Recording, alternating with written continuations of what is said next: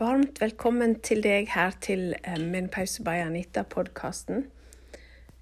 I dag så skal vi snakke om stressmestring, angst og uro. Jeg har spurt dere om, om um, forslag til uh, temaer, og dette her er et av de temaene som kommer opp. Med jevne mellomrom så kommer akkurat det her med stressmestring og angst og uro frem, fordi at jeg opplever at det er ganske aktuelt for veldig mange kvinner. I overgangsalderen så har vi tre faser. Det er perimenopause, menopause og postmenopause.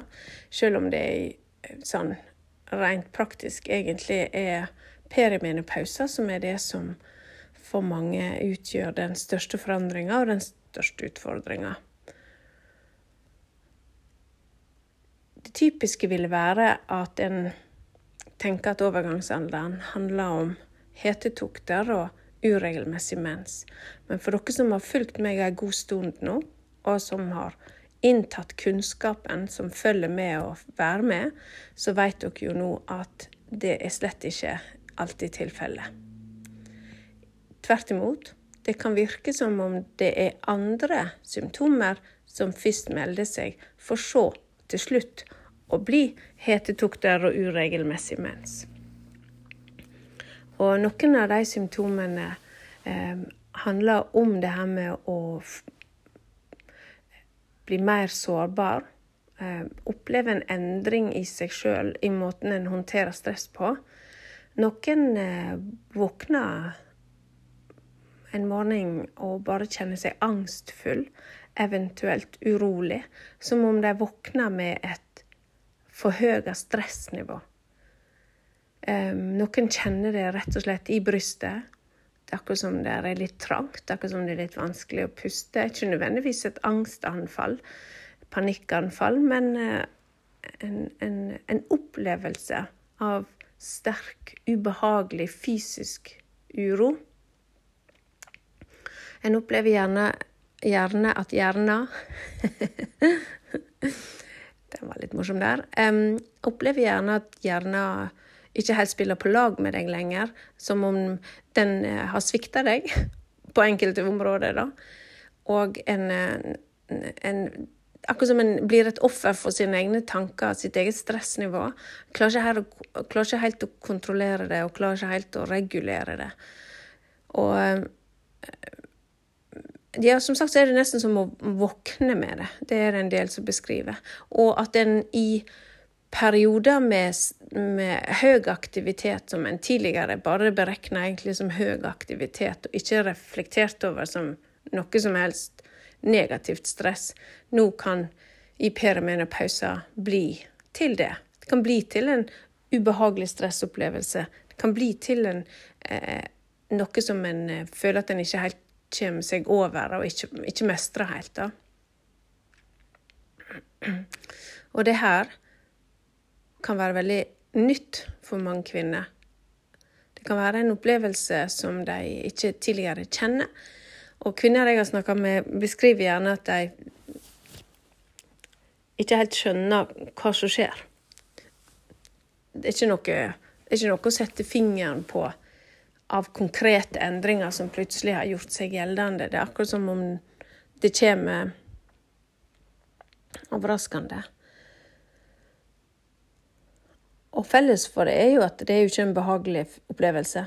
Det er jo ikke en opplevelse som en eh, skulle som en har ønska seg, og heller ikke noe som en er vant til å håndtere nødvendigvis, og som en en ikke ser noen annen utvei på enn at dette der må jo være fordi at du er, du er blitt sånn eller sånn, du er blitt svak, du er blitt um, Nå er ikke du god nok lenger, eller det her er utafor Du håndterer ikke det lenger, da. Som om du har gjort Som om du styrer livet ditt litt galt, da, eller du ikke gjør de rette tingene, eller at nå har ikke du vært flink nok til å trene, har ikke vært flink nok til å spise riktig, har ikke vært flink nok til å ta det med ro har ikke vært flink nok til osv. Det tror jeg er en ting som mange kvinner kan relatere seg til. At når en kjenner på sånne endringer, så er det veldig lett å ty til at det er en sjøl det er noe galt med, eh, i forhold til en, ja, hvordan en noterer ting. Men sånn, sånn kroppslig så er det jo mange som ville faktisk òg beskriver at dette her, her kommer med Det kommer med Kommer i 40-årene. Kommer i, i midt 40-årene og oppover.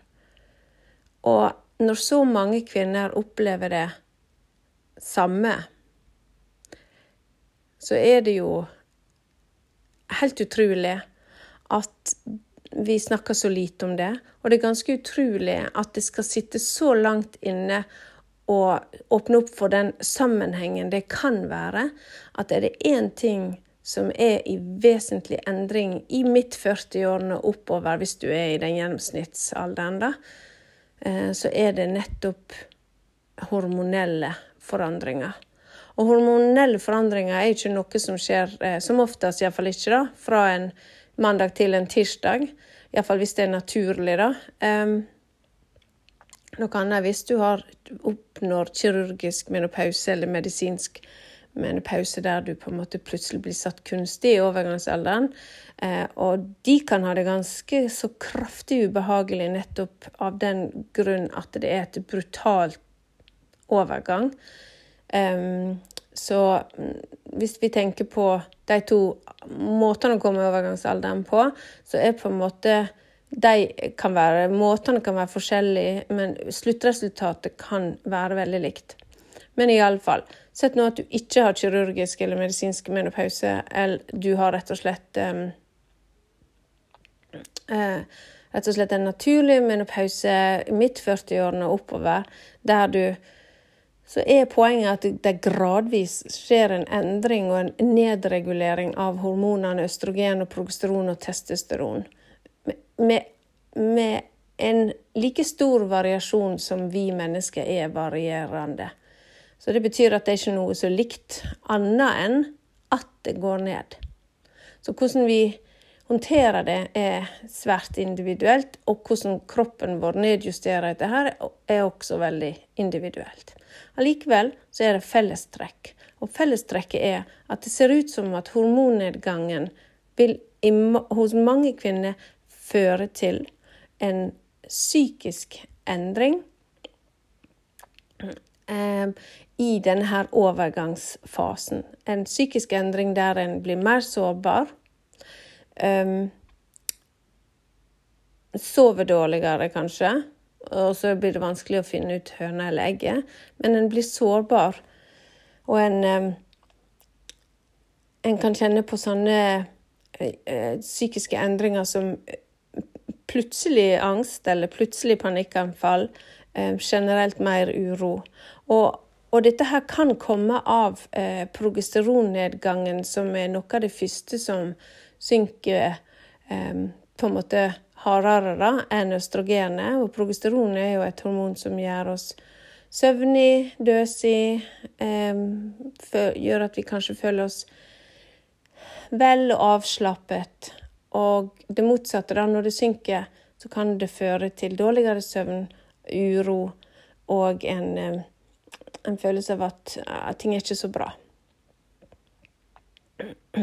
veldig enkelt og skjematisk beskrevet. Ikke nødvendigvis helt, eh, helt uh, sånn prosessmessig helt riktig beskrevet, men det er for å gi deg et bilde. Det er for å gi deg en knagg. Det er òg for å gi deg en Hør her, det trenger ikke være din feil. Det trenger ikke være du som har gjort noe som helst galt i ditt liv. Dette her er en biologisk prosess. Og det kan jo ta vekk belastningen av å gå rundt og føle at det er din skyld. Det kan òg ta vekk belastningen på at oi, oi, oi, oi, oi, her må det være noe alvorlig galt med meg. Har jeg fått Alzheimer? Har jeg fått demens? Har jeg eh, Og så videre. Det kan nesten bare ta vekk byrda litt, sånn at en kanskje kan si å ja, så det jeg kan være i den fasen. Ja, men OK, da. Og da bør jo neste spørsmål bli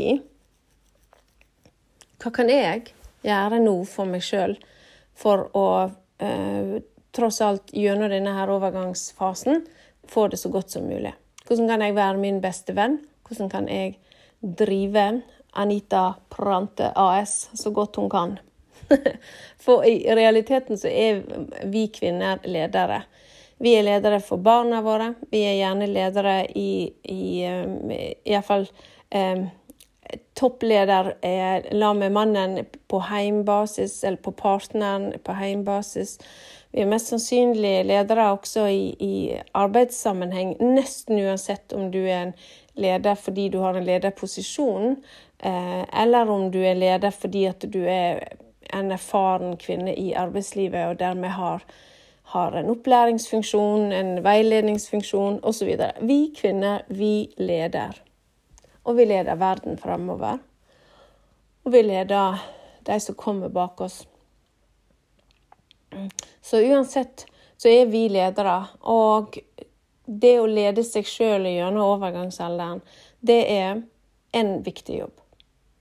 Det er en jobb som har gode sider og dårlige sider. Men det viktigste vi gjør, er jo som leder for, eh, for oss sjøl, så er det å finne ut hva er utfordringen her? Hvor sitter dilemmaet? Hva føler jeg? Her må vi ta frem symptomlogg. Symptomloggen bruker du til å navigere. Jeg har snakka om den før, jeg skal nevne den igjen. Du finner din måte. Du kan skrive det som dagbok, du kan skrive det som et eh, Excel-ark, du kan skrive det som ei liste, du kan krysse, du kan sette en strek, du kan bruke ord, du kan bruke tall osv. Og så registrerer du hva du opplever som er endring i ditt liv. Og um, på den måten så får du oversikt. Og da kan du se Å ja, jeg ser visst ut som jeg har Jeg har mer eh, uro i kroppen etter sånn og sånn. Eh, eksempel, noen får mer uro etter ett glass vin. Noen får mer uro etter to glass vin. Noen får eh, dårligere søvn etter alkohol. Noen får eh, etter, Hvis de har trent altfor hardt, sånn at de nesten har blodsmak i munnen, så får de uro. Noen får Hvis de um, I natt har jeg sovet ekstremt dårlig, da fikk jeg mer hjerteklapp eller mer uro. På en måte prøver å finne ut disse her um, Hvordan står det til i, i, i ditt liv der du skal styre dette her, du skal være lederen. Det å få brakt det her på det rene, si når du gjør det over tre uker, så vil du ha utrolig god oversikt. Greia er gjerne det at i perimenopauser så går eh, hormonnivåene våre opp og ned berg-og-dal-bane. Um, um, og sånn er det. Akkurat sånn som PMS, eh, eller var ikke det jeg mente å si, men um, akkurat som en vanlig menstruasjonssyklus, var det jeg mente å si da. Så går det opp og ned, og du får symptomer alt etter hvor du er hen i syklusen. For mange kan i perimenopauser fremdeles ha mensen, og faktisk nesten regelmessig mens, fordi at den uregelmessigheten er ikke enda opp jeg skulle si, mulig å oppdage helt enda. Og kanskje ikke han er det, for det, er ikke det er ikke hormonelle nok endringer til at det blir synlig, men det kan være hormonelle nok endringer til at hjernen din oppfatter det. For masse av disse her psykiske eh, symptomene, og faktisk de fysiske, men de psykiske symptomene, da, som stressmestring, som angst, som uro, som gråtetukter, som lav selvfølelse som osv. Det kommer eh, har sitt utspring ofte i forbindelse med hjernen vår. Mange tenker at overgangsalderen handler om livmora og eggstokkene, og det gjør det jo, for all del. Men det handler om hva skjer oppi hjernen òg. Eh, og desto mer vi eh, får forska på dette, her, og desto mer en får anerkjennelse for at overgangsalderen handler òg om disse her, og hvordan det virker. For i dag er det jo en, det jo en utydelighet på det her, da, synes jeg, blant fag, fag eh, skulle si fagfolk. Der er en utydelighet. En lite anerkjennelse, en lite det er lite beskrevet. Selvfølgelig eh, i noen framoverlente land som England og USA og, og Australia, så har de eh, snakka om det her, de har brakt det opp. Og det skjer her i Norge òg, det er bare at vi ligger litt langt bak. Men iallfall. Det jeg skulle si, det var at dette her skjer jo på det psykiske området, og det å identifisere det gjør jo at du en, har en anledning til å gjøre noe med det.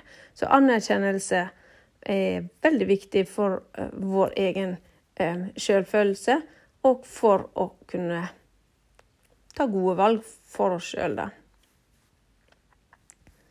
Dilemmaet her er jo at en kan oppleve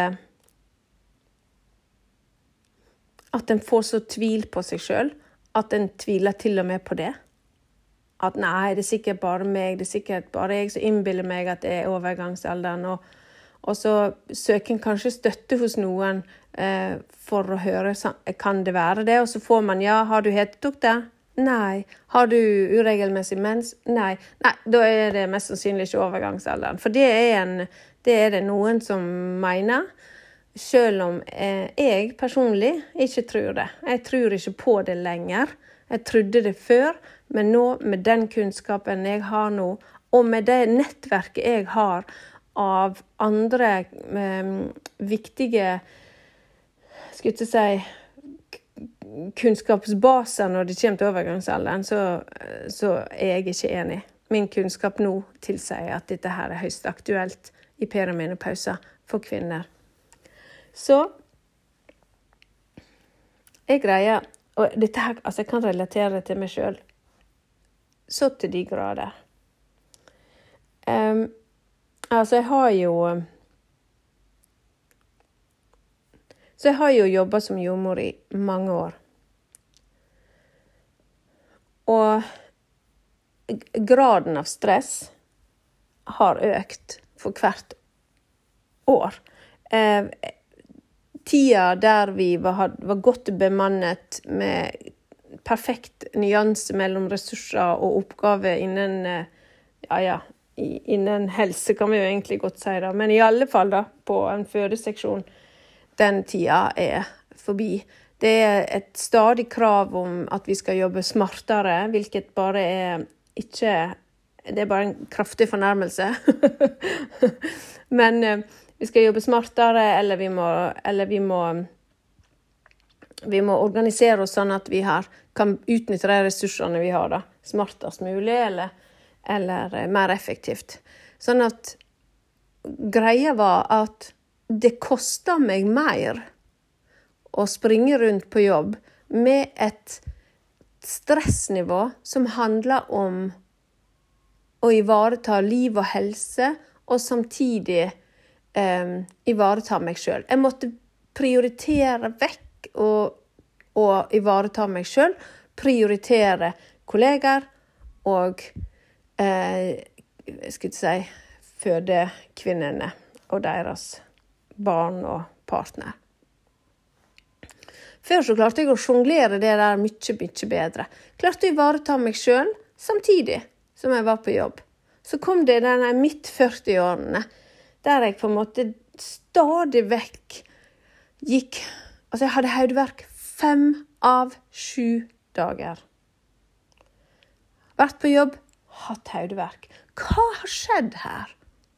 Jo, dette her er etterpåklokskap, bare så du er klar over det. For dette her hadde Jeg skulle virkelig ønske at noen hadde laga pausebay, Anita, for ti år siden. Jeg skulle vært en topptilhenger. Jeg skulle vært den første til å lytte. Fordi det her er eh, Du verden hva i mørket vi har vært så lenge. Men det var en digresjon. Jeg klarte ikke å ivareta meg sjøl. Så jeg visste Så jeg går på jobb, jobb, jobb. Når du jobber 100% så er du eh, mer på jobben enn du er noe annet sted her i verden. Og det burde være akseptabelt. Det burde være greit å jobbe 100% i en tredelt turnus. Det føles ikke sånn. Og når du ikke engang klarer å ivareta deg sjøl, da eh, Eller nå snakker jeg om meg. Når jeg ikke klarte å ivareta meg sjøl, så ble det her um, Gikk det utover meg fysisk og psykisk. Så min sårbarhet for stress, den ble økt. Jeg sov dårlig. Våkna tidlig. Sant? Våkne gjerne flere ganger. Eh, opplevelsene på jobb. Opplevelsene på jobb, det kan dere jo tenke dere at som jordmor så kunne jeg gå ifra lykke på den ene stya til tragedie på neste stue. Jeg tar det med meg hjem igjen. Jeg skal sove. Jeg sover og bearbeider alle disse her skulle si, gode tingene og dårlige tingene i søvne. Jeg sov så dårlig både fordi at jeg hadde da redusert stressmestringsevne, følte jeg, men òg fordi at jeg hormonelt da var i en stor forandring, og det førte til dårligere søvn. Så jobba jeg til klokka var halv elleve, elleve. Heim skulle legge meg, skal opp igjen klokka seks. Når jeg da kommer hjem seint på kvelden, så var jeg altså så gira og så lite nedstresset. Tvert imot var så, så overgiret. Enten av lykke, fordi å ta imot et barn er noe av det mest euforiske du kan oppleve, eller det motsatte. Tristhet. Eller at man har hatt bare så masse oppgaver at man er litt ubalanse for at man strekker ikke til. Ta hele den pakka der, så er det jo logisk. Her går man jo på minus. Så der kom det hodeverk. Der kom det lite tro på egne evner. Der kom det usikkerhet, og der kom det uro. En slags eh, Jeg kaller det å kverne, da. Jeg bare kverna og kverna og kverna. Om igjen og om igjen og om igjen. Og kort lunte. Kom, altså, når jeg hadde fri, så hadde jeg jo hodeverk. Så jeg var jo så irritert. Så irritabel.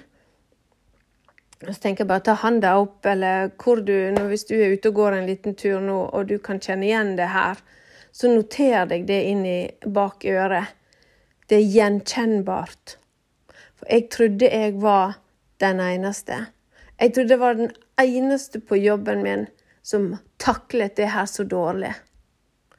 Og jeg hadde så lite tro på egne evner i den tida der at jeg kan ikke gjøre noe annet heller. Jeg kan ikke bytte jobb engang. Ingen som vil ha dette her. Ingen som vil ha en person med så mye hodeverk. Ingen som vil ha en person som ikke tåler alt dette her. Så det gikk så hardt utover sjøltilliten. Og hvis det er gjenkjennelig, så må du vite det kan være perimenopauser. Og jeg visste ikke det. Jeg kunne ikke gjøre tiltak. Når jeg tenker meg om, så tror jeg jeg Altså, jeg vet jo jeg har en veldig god gynekolog. Jeg vet jo det. Og jeg, jeg, blir nesten litt sånn på gråten, for jeg tror hun prøvde å kommunisere med meg om det her. For jeg hadde jo helt sikkert helt syke Akkurat jeg hadde jo da helt syke blødninger. hadde helt utrolig uregelmessige blødninger. Men jeg var, jeg var redd, for min far han har systemisk lupus, SLE. Eh, det er wow, 90% kvinner som har det, 10% menn. Min far fikk det. Hva er, min, hva er sannsynligheten for at jeg er en lupusdame? Den er sikkert ganske høy. Jeg var redd for det, eh, og jeg lot meg jeg, lot, jeg var så inn i den her Jeg hadde det så dritt, da, kan vi si. At jeg var så inn i det her at jeg tror ikke jeg lytta. Jeg tror, tror ikke jeg klarte å gjøre en fordeler og ulemper med alternativer. Alt fra hormonspiralen for å få regulert disse her blødningene til eh, Har vi vært innom snakk om plaster? Jeg er sannelig ikke sikker. For vet du hva, jeg klarte ikke å være til stede godt nok. Ikke engang i dialog. Og sånn dreiv jeg på. Det er derfor jeg egentlig med handa på hjertet kan si at eh, jeg tror jeg har hatt en jeg vært, tror jeg har vært i den en tredjedelen av kvinner som har det veldig hardt i perimenopausa. Og det her med å vite hva perimenopausa er, det med å vite at stressnivået Når du kjenner at nå er det noe som skjer her i kroppen min, jeg håndterer ikke stress lenger, jeg blir irritabel, jeg får vondt i kroppen, får vondt i hodet, jeg bare gyver på, jeg orker ikke å trene lenger, jeg orker ikke å ta tak, i, ta tak i ting lenger. Jeg må bare legge meg ned, må bare ligge og lade. Så tenker jeg ja da, sånn kan vi jo ha det i perioder, fordi at vi sier noe sånn som nå, når jeg er på prøver å bli bedre av en forkjølelse, så kjenner jeg nei, nå må jeg slappe av, nå må jeg roe ned. Altså det, det, det er så forskjell på det For det er jo en empatisk, sjøloppmerksom, økende egenomsorg. Men den der, det er en annen Jeg snakker om en annen type som, som, som der du Der du, du kom ikke ovenpå. Uansett hva du følte du måtte gjøre. Og dette her er så symptomatisk. Fordi det har gått et lys opp for meg nå som postmenopausal kvinne. Eh, det har gått et lys opp for meg fordi Jeg kjenner jeg blir så rørt når jeg skal si det, så jeg må bare samle meg litt. Altså, jeg beklager, men alle podkaster kan ikke være noe sånn her eh, rosa skyer av noen podkaster. Jeg, synes, jeg, jeg, er en fremsnakker av det ekte livet. Og det betyr ikke at overgangsalderen er en, eh, et, noe negativt, men nå beskriver jeg min opplevelse. Og jeg er, hvis jeg er modig nok til å tørre å si at hør her, dette her er ikke noe optimismeopplegg. Det her er ikke tenk positivt, så får du det bra. Jeg tror på det ekte. Og for de som har det helt fantastisk, så skal de snakke om hvor fantastisk de har det. Men har man ikke det, så må vi få lov å snakke om det. OK, det var en digresjon, men det var for, det var for å um, komme meg ut av den der litt sånn rørte tilstanden av tårer. Men hva skulle jeg si? Overalt på sosiale medier Nja, jeg tror vi skal si det sånn. Men generelt òg i samfunnet så er det litt sånn eh, Da skal man gjøre sånn Åh, nå har jeg lada batteriene mine. Det er et uttrykk som brukes veldig mye. Hva gjør du for å lade dine batteri, da? Hva gjør du da for å eh, eh, få energien tilbake, og, og så videre. Så bruker man sånne der ord som handler om å lade og så et batteri. Ladebatteriene. Um, feriesammenheng, eksempel. Jeg vil jo si hvor mange småbarnsforeldre har vært på ferie med tre barn i en campingvogn, og som kan si 'Nå er batteriene mine ladet'. Altså eh, Det skjedde ikke meg, iallfall. Jeg måtte jo måtte jo ha ferie etter ferie, jeg. Altså, jeg vil jo påstå. Men OK. var koselig, det, men dere skjønner jo. Um, jeg klarte aldri å svare skikkelig på disse spørsmålene der. Har du hatt en fin ferie da, Anita? Og dette her er da midt 40-årene. Hatt en fin ferie? Jo, ja ja, hatt en fin ferie. Mm, jeg fått lada batteriene godt, da. Og så ble jeg litt sånn Nja, veit nå ikke helt det. Lada Vet du hva? Jeg forsto ikke hva de snakket om. Fordi jeg følte ikke at jeg hadde noen batterier engang. Hvis du ser for deg Jeg følte meg så tom at jeg tenkte det er jo ingenting å lade. Og jeg veit at jeg vet at jeg diskuterte det her med venner rundt meg. Hva er det dere snakker om? Hva er dette her? Hvordan kjenner man det når man har ladet? Hvordan er Nei, da er jo liksom sånn og sånn, og Å, en kjenner overskudd, eller en, en føler at det har vært bra, og, en, og da kjente jeg bare OK, nei, nei da har ikke jeg lada, da. For, for, det er ikke noe. Det er bare Det er, bare, det er flatt. Hvis det er batteri, så er det flatt. Jeg får ikke det i gang igjen.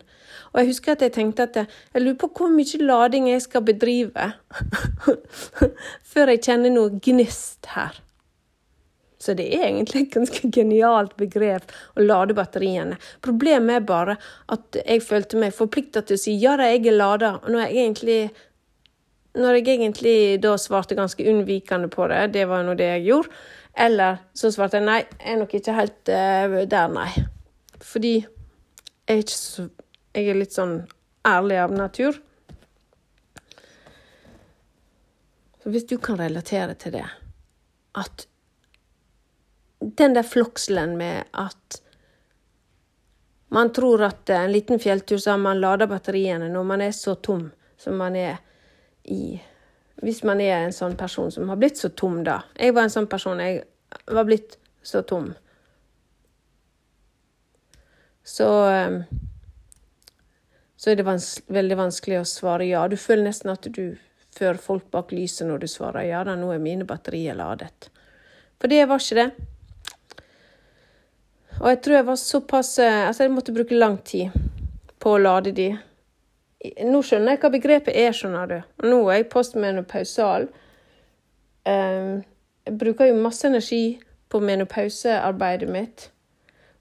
Jeg er oppmerksom på er oppmerksom på hva disse batteriene mine Og noen ganger så um, må jeg ta ekstra hensyn fordi at jeg kjenner at oi sann, nå, nå har vi brukt masse batteri her. Men nå vet jeg iallfall hva det er snakk om.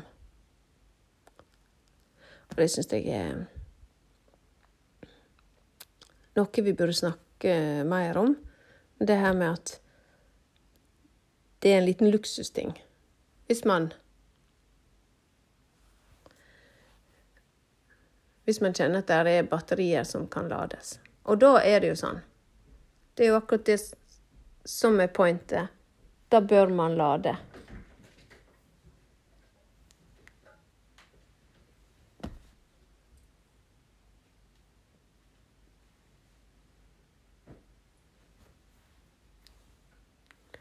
Da bør man lade. Altså, hvordan lader man? Det er klart at det er ikke sikkert man en gang kan komme til å begynne å lade noe før man har fått litt mer dreisen på søvnen. For søvn, eh, det, er, det er mangel på søvn kan eh, rett og slett drive en helt eh, Det kan kortslutte det batteriet. Så få, få kontroll over søvn. Og for noen så holder det ikke med å legge For noen så holder det ikke med de typiske tingene, eh, som søvnrutine, søvnhygiene, eh, mest mulig dagslys, sånn at man får nok melatonin, minst mulig stress rett før jobb, fordi at da eh, Nei, hva sier jeg Minst mulig stress på kvelden, fordi at da øker kortisolnivået, som igjen er ikke det vi vil ha. Vi vil ha melatonin, som bygger seg opp i løpet av dagen. og eh, Melatonin får du gjennom f.eks. dagslys. Så det å være ute eh, og få dagslys, så samler du melatonin til kvelden, og så bruker du det til å, sove, til å sovne og til å holde deg lenge i sovn. Eh, kroppslig sett så skal vi over i eh, å begynne Kortisolnivået øker desto nærmere vi kommer morgenen. Så det er da å ha, eh, ha så mye melatonin som mulig, for å si det litt sånn, litt sånn enkelt beskrevet, da og så lavt kortisol som mulig når du går inn mot kvelden, sånn at, sånn at det kortisol ikke slår seg på altfor tidlig. Eh, når du våkner Dette kan være veldig lurt. Når du våkner, hvis du kjenner uro, bruk pusten. To minutter meditasjon, fem minutter meditasjon, ti minutter meditasjon, alt etter hva du har. Men bruk pusten. Få kontroll. Pust inn ut, eh, mediter, eh, gjør eh, kirtan kriya-yoga, som er en sånn her eh, En yoga som varer i elleve ja, minutter. Kan, han kan være seks minutter òg, du bestemmer du sjøl. Men det er en aktiv eh, med lyd og bevegelser mens du ligger i senga, og den er veldig fin. Kirtan Kri. Jeg skal eh, legge ved på beskrivelsen av podkasten hva dette her er for noe. Men uansett hva du gjør, det du gjør da, det er at du reduserer stressnivået ditt, du reduserer kortisol. Kanskje du får en mindre, en bedre morgen. Eh, noen blir mer gira av kaffe for eksempel, med en gang man våkner. Kanskje du skal bare erstatte den med vet ikke, urtete eller te eller varmt vann med sitron i. Eh, noe som gjør det. Mens andre ikke merker noe til det kaffegreiene der. Du kan jo merke det sjøl. Du kan jo registrere det. For det er jo det jeg mener. La oss begynne å registrere.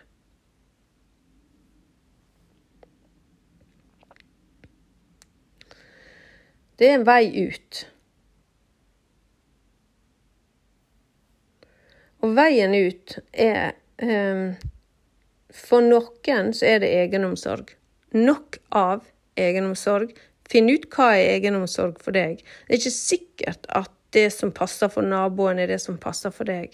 Så her må du grave, leite, prioritere. Finn tre egenomsorgsting som du vet er viktig for deg. Og så finner du plass til det.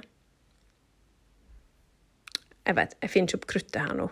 Det her vet du jo. For noen så må det eh, tilførsel av hormoner til.